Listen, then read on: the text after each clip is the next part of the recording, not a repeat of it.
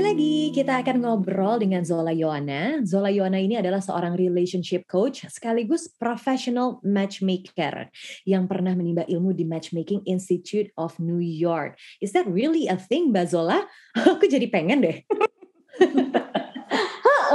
Boleh loh. Aku berdua aja ya. Boleh, silakan. Apa kabar nih Mbak Zola? Baik. Kamu apa kabar sih? Baik, masih sendiri juga. Ini relate ya. Oh, masih ya. Kali ini ya, kita kan di uh -uh. Uh, topik kali ini akan membahas tentang is he the one? Can you find me the one? the one itu that's part of my job. I found you the one. yes. Nah ini brides to be yang sekarang udah punya pasangan. Pernah nggak sih kamu tuh juga kayak nanya-nanya gitu ya, wondering inside your head, inside your heart, is he really the one? Well, it's such a one million dollar question sih memang ya. Mungkin dengan kita ngobrol dengan Mbak Zola ini bisa membantu kamu mendapatkan jawabannya. Coba nih Mbak Zola, apakah mm -mm. ada emang yang benar-benar the one gitu. Jadi seseorang tuh yakin 100% sama calon yang dia pilih. Terus bisa gak sih seseorang tuh 100%, 110 yakinnya gitu. Kalau kita ngomongin 100% ya, well we can't be 100% certain of anything kan. Because we don't know everything. Cuman kalau misalnya lebih eh, apa certain of existence of a thing, yes tapi kan ini ada prosesnya segala macam gitu loh. Jadi um, it depend on the case. Tapi kalau kita ngomongin is she the one? Is he the one for me? Itu sebenarnya there is no such the one, tapi kitanya yang sebenarnya create the one for us. Jadi kalau misalnya the one itu berarti kriterianya yang begini, yang begini, yang begini gitu ya. Itu kan depend on your type. Kayak hmm. my the one, definition of the one dengan kamu definition of the one-nya pasti beda. Mm-hmm. Tapi that we call it as the one karena yang memang uh, apa? Karena mungkin match, terus udah gitu complement, uh, uh, lebih compatible, terus udah gitu values-nya pun juga sama, ideal partner lah tibanya gitu loh. Mm-hmm. Jadi as an ideal partner, then you say that he's the one because he's the one who understand me gitu loh, compliment me all the time, being supportive partners gitu.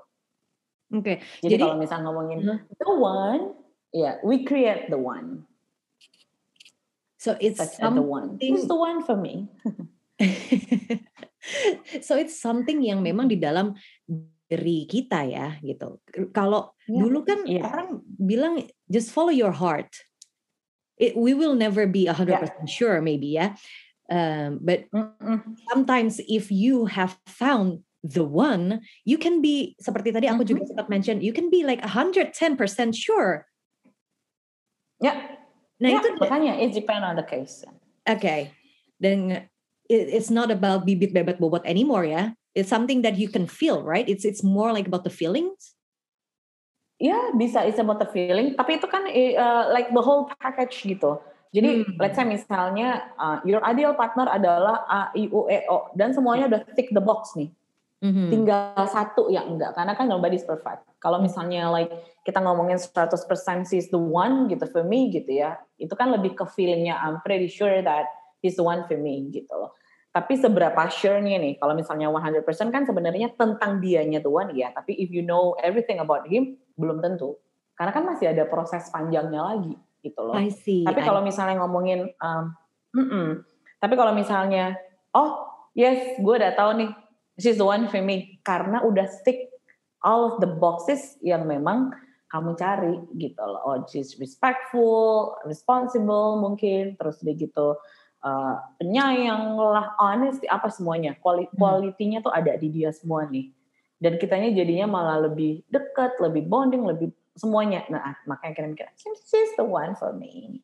Oke. Okay. She's the Ini one for me. Gitu ini aja kita baru mulai ya, tapi aku sudah terbuka loh cara pandangnya mungkin selama ini um, berbeda gitu, atau maksudnya bukan berbeda ya, kayak ternyata emang kayak seperti itu gitu. Kita sebagai perempuan uh, ada ticking box juga gitu yang kita harus uh, tick mm -hmm.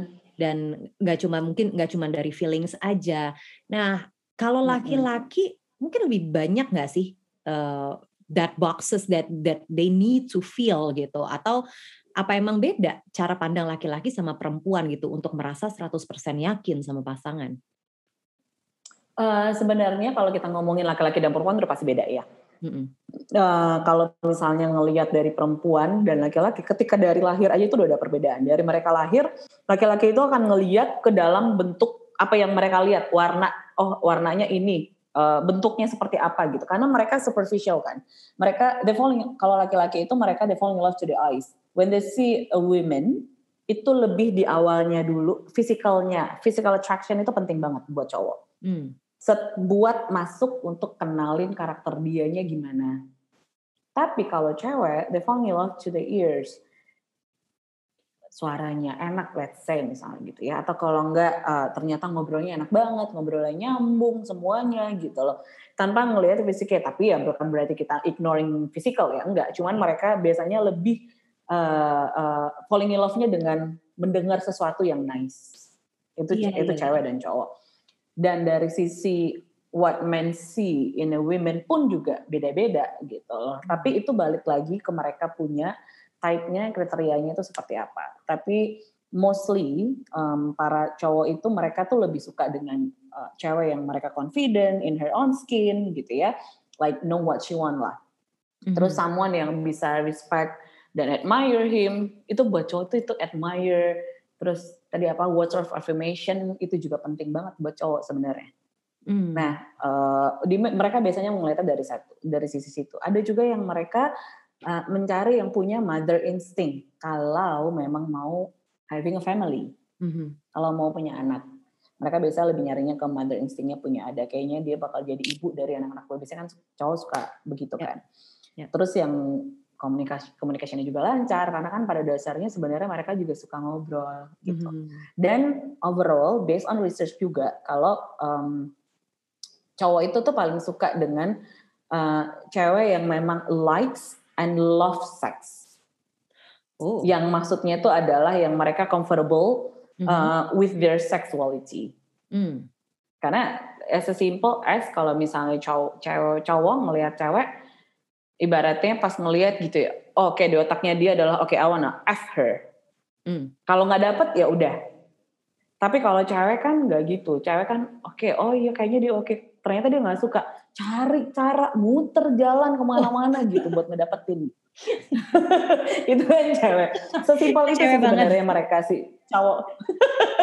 Karena mereka pakai feeling, cowok lebih logika ya. kan. Ya, ya, ya. Jadi it, itu is not about cowok dan cewek, tapi hmm. about masculinity dan femininity. Ah, Feminin itu ya. lebih ke feelings, hmm. masculine itu lebih ke logic. Jadi we don't talk about the gender, tapi hmm. saya misalnya kayak aku, aku lebih masculine sebenarnya. Hmm. Uh, the way I think lebih logic, feelingnya lebih berapa persen gitu loh. Hmm. Uh, jadi lebih ke masculine side gitu loh. Jadi um, mereka biasanya mengkategorikannya itu begitu dan ya men love and likes women that love sex. Yang apalagi yang comfortable with their sexuality, enjoying sex, terus gitu ngobrol dan open. Hmm. That's what they're looking for in in in women gitu. Itu sih kalau cowok. Jadi sebenarnya lebih ke uh, apa ya namanya? Yang punya sense humor juga, terus yang bisa ngelakuin apa-apa bareng kayak misalnya trip bareng, enjoy adventures together misalnya gitu. Apalagi kadang beberapa cowok mereka suka kalau ceweknya itu evolve di dalam mereka punya hobi. Yes, ya, yeah, ya, yeah, yeah. Atau sesimpel mm -hmm. mereka berdua sama-sama suka kuliner ya kan? Mm -hmm, bisa. jadi makan yakin gitu nih, kan. uh, uh, jadi makin yakin deh aku kalau misalnya makan sama kamu gitu selain dibayarin kan tapi kita makanannya sama suka sama-sama makan gitu kan. Mm -mm. tapi kalau misalnya dari nih pengalaman, yeah. pengalaman Mbak Zola nih ya dengan klien-klien kamu kan banyak uh. Uh, banyak mm -mm. tingkat masculinity, femininity-nya juga beda-beda gitu. Uh, Faktor-faktor apa itu yang biasanya tuh bikin seseorang yakin kalau misalnya dia adalah duan? Apakah dia lebih banyak yang dari dalam diri pasangannya atau dari luar pasangan nih? Kadang-kadang kan ada juga orang ngelihat dengan mungkin uh, selama ini syarat-syaratnya yang box-box yang harus mm -hmm. itu berasal dari um, suku yang sama misalnya, tapi itu kan hmm. berarti di luar dari pasangan bukan dari dalam diri pasangannya gitu. Nah biasanya tuh faktor-faktor apa ya. sih? Oke, okay. kalau misalnya uh, untuk faktor insight eh, dari dalam ya hmm, gitu. Hmm. Kalau misalnya kalau untuk dari dalam mau itu cewek mau itu cowok, tapi kebanyakan biasanya lebih, lebih dari cewek. Mereka tuh lebih suka sama yang memang good listener. Kadang karena kita waktu ngomongin tentang relationship dan the one, we share something kan we can share something good and happy to, to our to our friends. Kita bisa ngobrolin apa aja, but something private, we only share it to our partners. So we need someone yang memang good listener. Terus yang compromise, karena at the end of the day, relationship is about compromise. Mm-hmm. Understanding. Ini yang paling susah understanding. So yang paling susah itu adalah being good listener dan understanding. Terus uh, yang respectful juga. Kalau misalnya buat cewek, mereka lebih utamain yang gentleman. Gentleman, I mean like know how to treat women itu kalau dari dalam ya, faktor yang dari dalam itu yang dari quality deh. Mungkin yang family man kalau memang yang kebanyakan kalau misalnya mereka punya value family, dan ya udah mereka pasti akan nyarinya yang family man or family women juga gitu. Itu yang kalau misalnya dari dalam. Tapi kalau dari luar biasanya based on financial, terus sedikit religion, terus udah gitu suku kalau misalnya kita di sini misalnya let's say Chinese sama Chinese misalnya gitu atau yang sama-sama agamanya apa misalnya gitu. Itu faktor dari luar. Tapi kalau misalnya mau nyari yang uh, physical only oke okay, gue maunya uh, kuliahnya harus tamatan dari mana. Jadi aku suka ada tuh beberapa klien yang datang ke aku oke okay, kalau bisa lulusannya dari sini kerjanya di sini sampai kerjanya di mana pun juga masih dicari gitu loh Terus udah gitu um, apa tinggi uh, tinggi juga oke okay, untuk masalah fisikal tinggi lah. Terus udah gitu uh, kuliahnya di mana, tamatannya dari mana, pengennya tamatannya dari luar gitu. Terus udah gitu kerjanya di mana. Itu tuh nggak penting sebenarnya untuk ngomongin masalah dia tamat dari mana ya terus udah gitu kerjanya maksudnya sampai harus mau kerjanya di bagian ini apa segala macam kalau memang itu penting banget buat lo ya berarti you limit yourself to hmm. find someone. Apalagi kalau misalnya buat yang mereka single dan limit terbatas dengan umur. Hmm. Karena kan idea of the day is not about dia lulusan dari mana, it's not about their job, it's about their quality. Yeah. Quality yang dia punya itu uh, apa gitu loh. Mau dia tamatan dari Harvard kalau misalnya he doesn't know how to treat women, he doesn't know how to respect women, percuma dong. Karena yeah. kan those things gak guarantee mau dia tamatan dari lulusan dari mana pun juga kalau misalnya memang mereka yang nggak respectful atau kalau nggak patriarki misalnya gitu ya yang masih hmm. menganut patriarki patriarki doesn't mean that we hate a man it's about the system kan sistemnya lebih patriarki gitu hmm. jadi lebih banyak sebenarnya yang harus dipikirin itu yang di dalam daripada yang cuman dari luar uh, dua-duanya itu sama-sama penting hmm Tapi balik lagi nih, apakah kuliah itu penting dia di mana? Kalau misalnya kamunya misalnya single, umurnya udah 40-an, 40 tahun misalnya gitu, dan ternyata sibuk gitu, nggak punya waktu segala macam, dan baru realize, oke okay, kayaknya gue single, dan mau nyari someone gitu. Hmm. Apakah dia lulusan di mananya masih penting? Kayaknya Terus enggak. sudah gitu kerjanya di mana masih penting. itu aja sih. Apakah itu akan mengalahkan dia punya quality gitu. Makanya masih tahu dulu kitanya what are you looking hmm. for actually. Nah, tapi kan itu tetap yang dari um, satu orangnya. Misalnya si ya. partner atau si pasangannya ini ya, dari quality-nya uh -uh. di dalamnya atau dari luarnya which is his uh, fisik atau enggak uh, agama dan lain-lain, sistemnya dia seperti apa. Nah, tapi kalau faktor di luar laginya kayak say family gitu. Kalau ternyata hubungannya nggak direstui sama orang tua gitu kan pasti bikin seseorang jadi yang tadinya udah 90% yakin sama orangnya ya. bisa turun tuh ke ya. 70%. Ya. Nah, itu yang makanya paling penting banget tahu dulu saya misalnya single, terus kita harus tahu dulu your family, backgroundnya itu gimana. Apakah your family, let's say your parents itu ikut andil dalam memilih suami atau istri buat buat kamu misalnya gitu ya. Hmm. Kalau misalnya memang iya, mending dikomunikasiin dulu dengan uh, uh, orang tua. Let's say misalnya ternyata uh, buat kamu oke okay untuk beda agama, tapi buat family kamu nggak bisa. Kamu harus menikah dengan satu agama misalnya gitu. Yeah. Sementara kamu sih fine fine aja, as long as kita agamanya masing-masing aja misalnya gitu ya. Hmm. As long as kita masih respect satu sama lain. Ya, yeah, for you, but not for your parents. So kalau misalnya ternyata kamu tahu ada isu dengan parents dengan satu hal itu, let's say misalnya uh, core value adalah si religion, mm-hmm. Itu kan mesti harus diomongin dulu. Kalau misalnya ternyata kamu tiba-tiba, ya udah deh nggak apa-apa, coba, coba aja, coba aja, coba aja. Nah, coba aja, coba aja ini yang nantinya akan jadi isu. Yeah. Kalau misalnya itu sangat crucial, apalagi orang tua bilang nggak mau, pokoknya harus nikahnya sama agama, satu agama gitu ya. Terus di kitanya oke okay, dan ternyata udah ngejalanin and then you love each other so much udah adil partner banget berarti kan akan ada kendala nantinya satu mm -hmm. then how you gonna communicate it to your parents misalnya. Tapi kalau ternyata itu kan memang udah big issue kan karena udah family involved. Mm -hmm. tapi kalau misalnya ternyata cuman karena oh kayaknya belum mateng. As a financial kayaknya di bawah kamu misalnya. Hmm. atau kalau nggak as a financial kayaknya mungkin masih belum. Kayaknya dia belum kelihatan dewasa. Dada dada dada yang yang sebenarnya nggak terlalu uh, crucial as a religion misalnya gitu ya as a prinsip gitu itu balik lagi ke kitanya seberapa bisa dan seberapa how you want to fight for your relationship if you really think that she's the one for you or he's the one for you then go for it fight for it dan buktiin kalau family kalau ternyata kan dia nggak gitu gitu loh atau apakah kamunya akan give up with your relationship and then follow your family rules. Balik lagi ke kamunya gimana gitu loh. Jadi kalau misalnya dari awal udah tahu nggak bisa harus sama-sama Batak misalnya gitu, harus hmm. sama-sama satu agama gitu. Ya udah jangan main api daripada nanti kebakar. Iya, bu, masalah baru. tahun juga akhirnya putus juga gitu pengalaman pribadi. Bawa waktu jadinya. Jadi kalau memang tahu ada isu itu, mending beresin dulu itu isu. Tanya dulu, oke okay nggak? Kalau misalnya memang beda agama atau gimana atau apalah gitu. Tapi kalau misalnya family fine aja dan ternyata family nggak ikut campur, ya udah it's okay, which is good dong. Mm-hmm. Kebanyakan kendalanya begitu, giliran udah jalan, ya ternyata orang tua nggak suka. Atau family terlalu ikut campur. But at the end of the day, you're the one who spend your life with him or with her kan. Yes, yes. Jadi kan mereka cuma bisa komen aja. Mm-hmm. But you know, you know them better.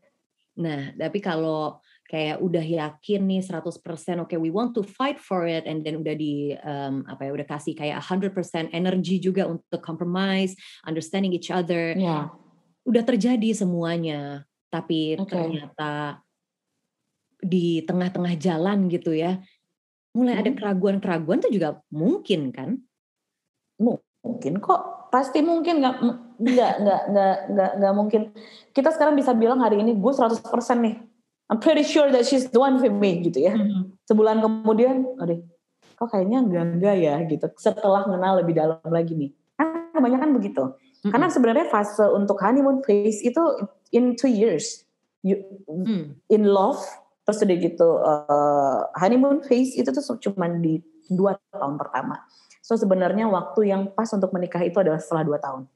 Then you know how it feels Ah, okay. Ininya sih yang yang yang pasnya ya. Jadi kan karena dua tahun tuh udah lewat fase-fase uh, butterfly in your stomach gitu ya, honeymoon honeymoon phase-nya. Dua tahun tuh udah mulai maintain the relationship kan, bukan iya. fase honeymoon lagi.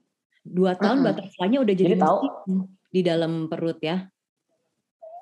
Eh, nah tuh, jadi udah udah tahu. Jadi kalau misalnya apa kalau kita paling sering denger di udah book hotel di mana untuk nikah ternyata sebulan kemudian nggak jadi.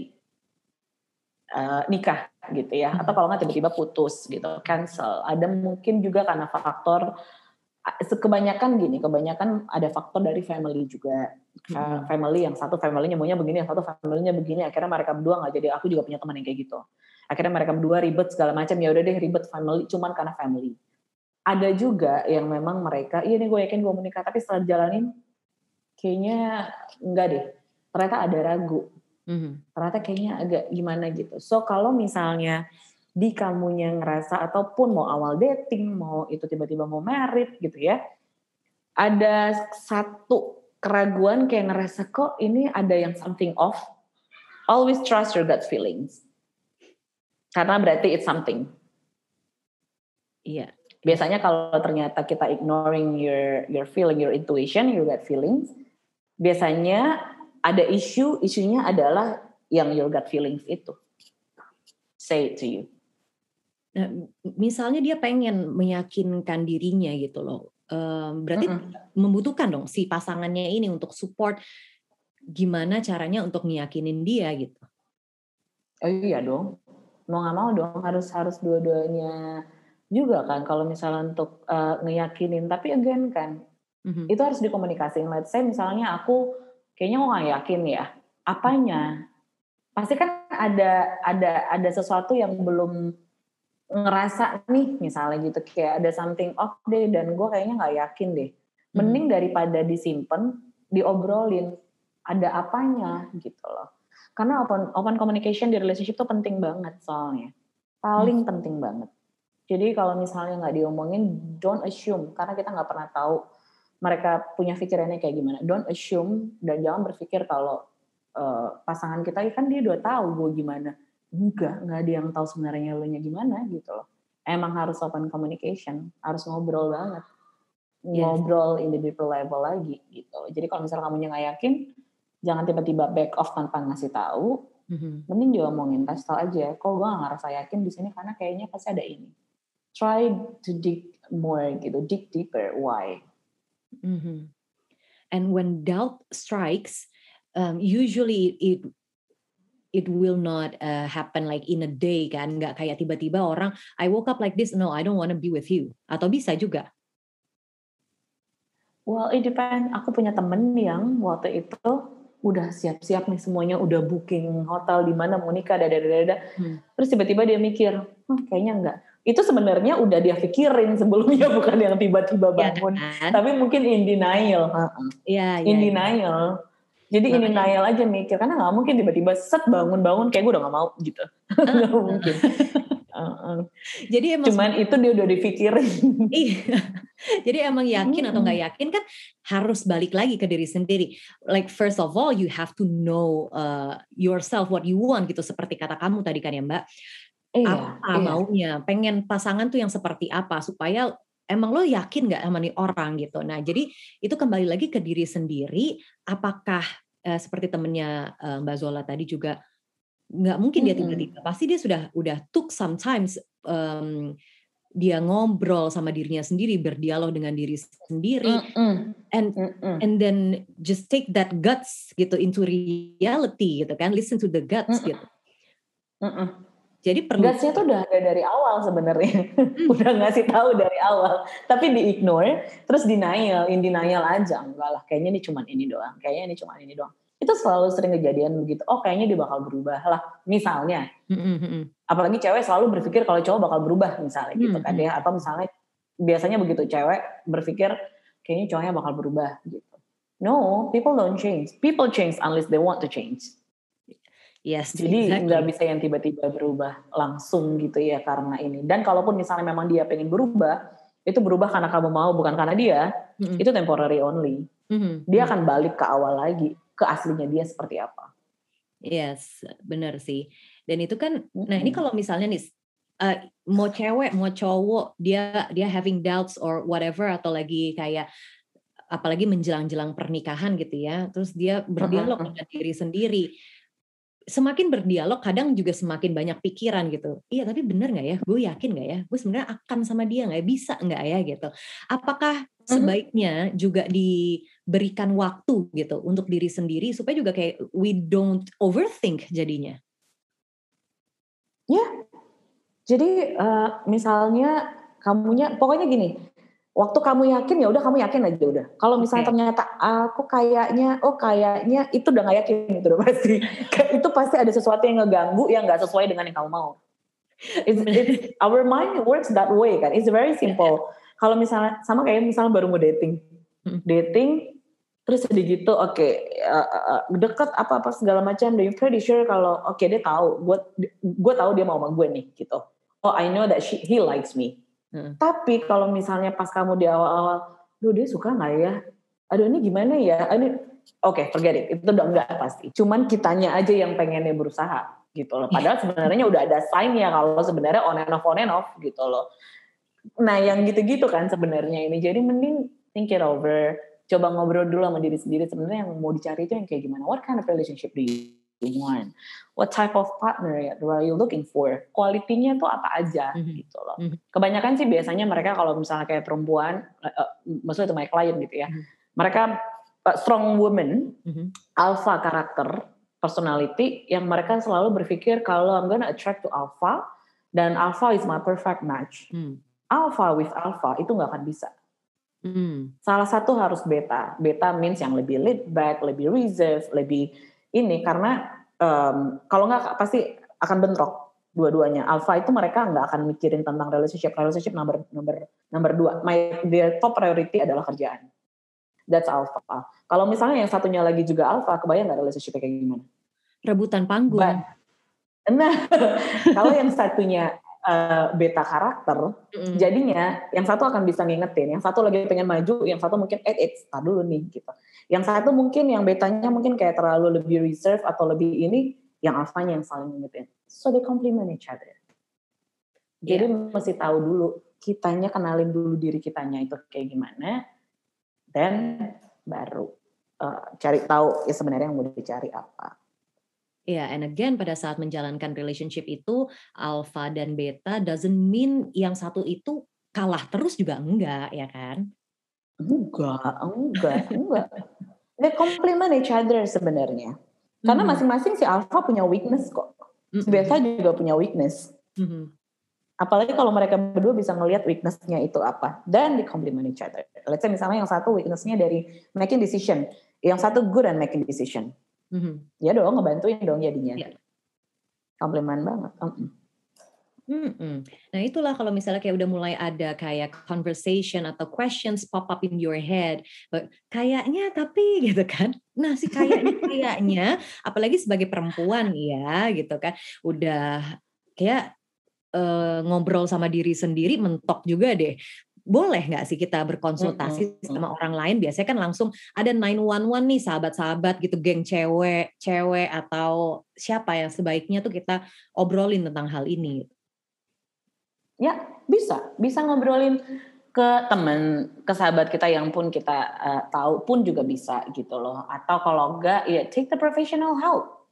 Let's say misalnya ke uh, uh, dating coach misalnya gitu ya atau hmm. ke mana misalnya gitu itu juga bisa kok where um, kadang kan kita butuh orang untuk ngobrol untuk punya point of view yang beda kalau misalnya teman mungkin atau sahabat mungkin agak ada sisi biasnya karena ya. memang kenal misalnya hmm. gitu ya yang satu ya karena you're my friend misalnya gitu hmm. jadinya bingung tapi sebenarnya akan lebih bagus kalau misalnya uh, cerita dan ngobrol ke orang yang sebenarnya mereka punya good relationship so hmm. let's say misalnya kamu single terus temennya juga satu single gitu loh terus iya gue bingung nih masih gimana gimana segala macam. Dan you ask your friend yang memang single juga gitu. Ya kan sebenarnya kita bisa bisa lebih ngelihat ke orang yang memang sebenarnya udah rasa relationship juga. Atau juga temannya juga sama-sama single gitu lah. Gimana sih cara buat nyari pasangan misalnya gitu. Atau kalau enggak mungkin bisa yang memang mereka nikahnya yang udah mereka happily married lah. Mm-hmm. Misalnya, kok gue ada keraguan ini ya, gitu. Kalau misalnya mau ke teman-teman, oh ya udah ke profesional. Yang memang nggak tahu kamu, nggak tahu pasangan kamu, yaudah kamu ngobrol dan they don't judge anyway kan. And it's neutral. Atau dating coach, relationship coach atau apa lebih netral, yes. Mm-hmm. Dan pada saat berkonsultasi itu apakah barengan sama pasangan atau sendiri aja? Bisa tergantung. Apakah mau couple coaching misalnya gitu ya, couple therapist mungkin, atau mau sendiri juga bebas. Apakah pasangannya open dengan itu, let's say, atau lebih bagus lagi kalau misalnya memang ternyata mereka berduanya open untuk ngobrol hmm. Dan ajakin pasangannya untuk ngobrol. Kayaknya kita butuh ini deh um, relationship coach deh atau dating coach atau terapis deh. Ingat ya datang ke terapis datang ke coaching atau relationship coach atau apa pun itu ya professional help itu it doesn't mean something wrong with you. Sometimes you just need another opinion from other people another perspective. Jadi um, orang suka berpikiran kalau misalnya psikolog berarti lu gila, lu nggak waras gitu. Enggak gitu. Atau kalau nggak ke terapis, atau kalau nggak coaching ada apa. Jadi asking help to third party, it's okay kok, nggak ada masalah sama sekali. Justru sebenarnya lebih bagus karena kan jadinya nggak nggak ada biasnya juga, nggak kenal juga. Mereka akan ngasih point of view yang beda gitu. Karena they they know better, they're the expert. Iya, iya. Dan apa ya, kayak itu bisa dilakukan nggak harus mendekati hari pernikahan kok ya mudah-mudahan sih jangan sampai udah nyetak undangan ya terrepot gitu kan di awal-awal mm-hmm. atau pas mm-hmm. lagi masa-masa honeymoon phase itu juga malahan bisa diuji juga ya Mbak Zola bisa apalagi ngomongin financial itu hmm. yang paling sering banget nih orang nggak ngomongin financial ketika mereka menikah dan bermasalah dengan financialnya karena nggak diomongin karena yang perempuan ngerasa cowoknya yang akan tanggung jawab oh kebalikan nih cowoknya ngerasa karena ceweknya kerja ya cowoknya nggak ceweknya ngerasa eh cowoknya ngerasa ceweknya mungkin nggak butuh duit misalnya gitu loh hmm. jadi assuming terus nih hmm. sementara ada yang memang nggak comfortable untuk ngomongin financial kayaknya ngerasa agak gimana gitu nggak bisa you have to talk about financial before uh, married atau kalau enggak ya getting serious relationship atau long term relationship atau apa pun itu lah you name it. Tapi uh, emang memang harus itu diomongin ya financial dan itu banyak banget uh, tingkat divorce itu tinggi divorce rate tinggi itu karena si financial karena hmm. mereka nggak ngomongin di awal ketika udah nikah bentrok. Padahal sebenarnya ngomongin financial it's romantic things. Because mm-hmm. we talk about our future kan, mm-hmm. how you gonna plan your future, how gonna plan our family, It's a romantic thing sebenarnya. Romantic is not only I love you so much, I need you in my life gitu. Gak cuma itu. Talking about financial, financial is for me is romantic karena you plan about your future. Ini udah sefruit ya tips-tips dari Mbak Zola gitu untuk uh, apa ya kayak your kayak keyakinan meter itu udah sampai mana gitu antara kamu dengan mm-hmm. pasangan? Apakah sudah mendekati hari pernikahan biasanya juga semakin sering berantem gitu kan? Oke Mbak Zola, tapi kalau misalnya nih brides masih sendiri, sedang mencari pasangan atau doannya itu, gimana bisa yakin? Kan ntar dideketin lagi sama seseorang, terus baru mulai, itu sudah mulai ragu karena takut gitu, takut gagal lagi. Mm. Oke, okay, jadi bisa sih dibikinin aja listnya. Kenal dulu eh, kenalin dulu diri kitanya itu gimana. Know yourself better dulu. Jadi mungkin bisa uh, what do you like about yourself? What do you love about yourself? Terus gitu, what the quality that you're looking for uh, in partners gitu. Jadi knowing your values juga itu penting banget dan itu juga mesti dicari di pasangan juga dong mesti cari tahu value-nya yang sama juga gitu. Jadi by knowing itu baru nanti listnya bikin lagi di list sebelahnya gitu tentang si pasangannya yang bercarinya itu gimana. What do you want Ali? What do you need in partners juga gitu. List down tuh semuanya. List list list listnya semuanya itu terus nanti bisa dilihat tuh yang kamu cari sama yang eh, yang yourself terus yang sama yang kamu cari itu itu uh, apa kompatibel atau enggak. Nah itu bisa dilihat dari sana. Terus bisa di flashback juga ke relationship yang lama, ke pas relationship dulu. Ternyata sama yang ini it doesn't work. Oh sama yang ini ternyata nggak cocoknya di karena faktor yang ini. Oh ternyata gue cerewet, gue terlalu ngobrol. Ternyata pasangan gue sebelumnya ngobrol juga. Ternyata kita berantakan jadi ngobrol mulu gitu misalnya. Jadi bisa di list itu semua. Terus udah gitu uh, flashback ke relationship. Dari situ kan sebenarnya bisa dari relationship yang sebelumnya itu ternyata di mana problemnya di mana? Kalau misalnya nggak yakin juga pasti kadang ada momennya yakin ada momen yakin. Tapi kita harus dikomunikasiin lagi diobrolin lagi. But knowing yourself better it's very important to finding a partner. Jadi mesti tahu dulu kamunya itu gimana. If he or she really the one pasti banyak listnya. Seperti tadi Mbak Zola juga bilang nggak usah ragu just take your time to make a list what you want and then what you want from a partner Mm-hmm. Even mm-hmm. though that question will come and go, one at a time kamu juga akan merasa ragu lagi. Itu juga wajar ya Mbak Zola. Ya kalau memang sekarang sudah berpasangan uh, dibicarakan karena open relationship eh open relationship open communication itu penting sekali dalam sebuah relationship. Jadi emang dikomunikasiin aja. Kalau emang ternyata ya rasa ragu itu dalam guts kamu lebih besar, ya kembali dikomunikasikan dan mungkin uh, gimana keputusannya nanti. Tapi sebelum mengambil keputusan masih banyak lagi yang bisa dilakukan. Bisa berkonsultasi dengan dengan professionals, dengan ya diri sendiri juga gitu kan sampai pada akhirnya yakin even though we will not be 100% sure ya Mbak Zola. But if you are, Mm-mm. just go for it. 99%, 99.9% go for it. Oke, okay. thank you banget Mbak Zola. Ini seru banget ngobrol-ngobrolnya. Aku sudah 99,999999 persen yakin sama kamu. Jadi moga-moga brides to be yang dengar juga sudah menemukan the one-nya. Brides jangan lupa untuk dengerin episode-episode Bright Story audio podcast berikutnya yang hadir setiap minggu dengan pembahasan-pembahasan lain yang seru dan menarik pastinya seputar pernikahan dan relationship. Saya Aisyah Fabian dan juga Mbak Zola pamit dulu sampai ketemu lagi. Bye. Bye.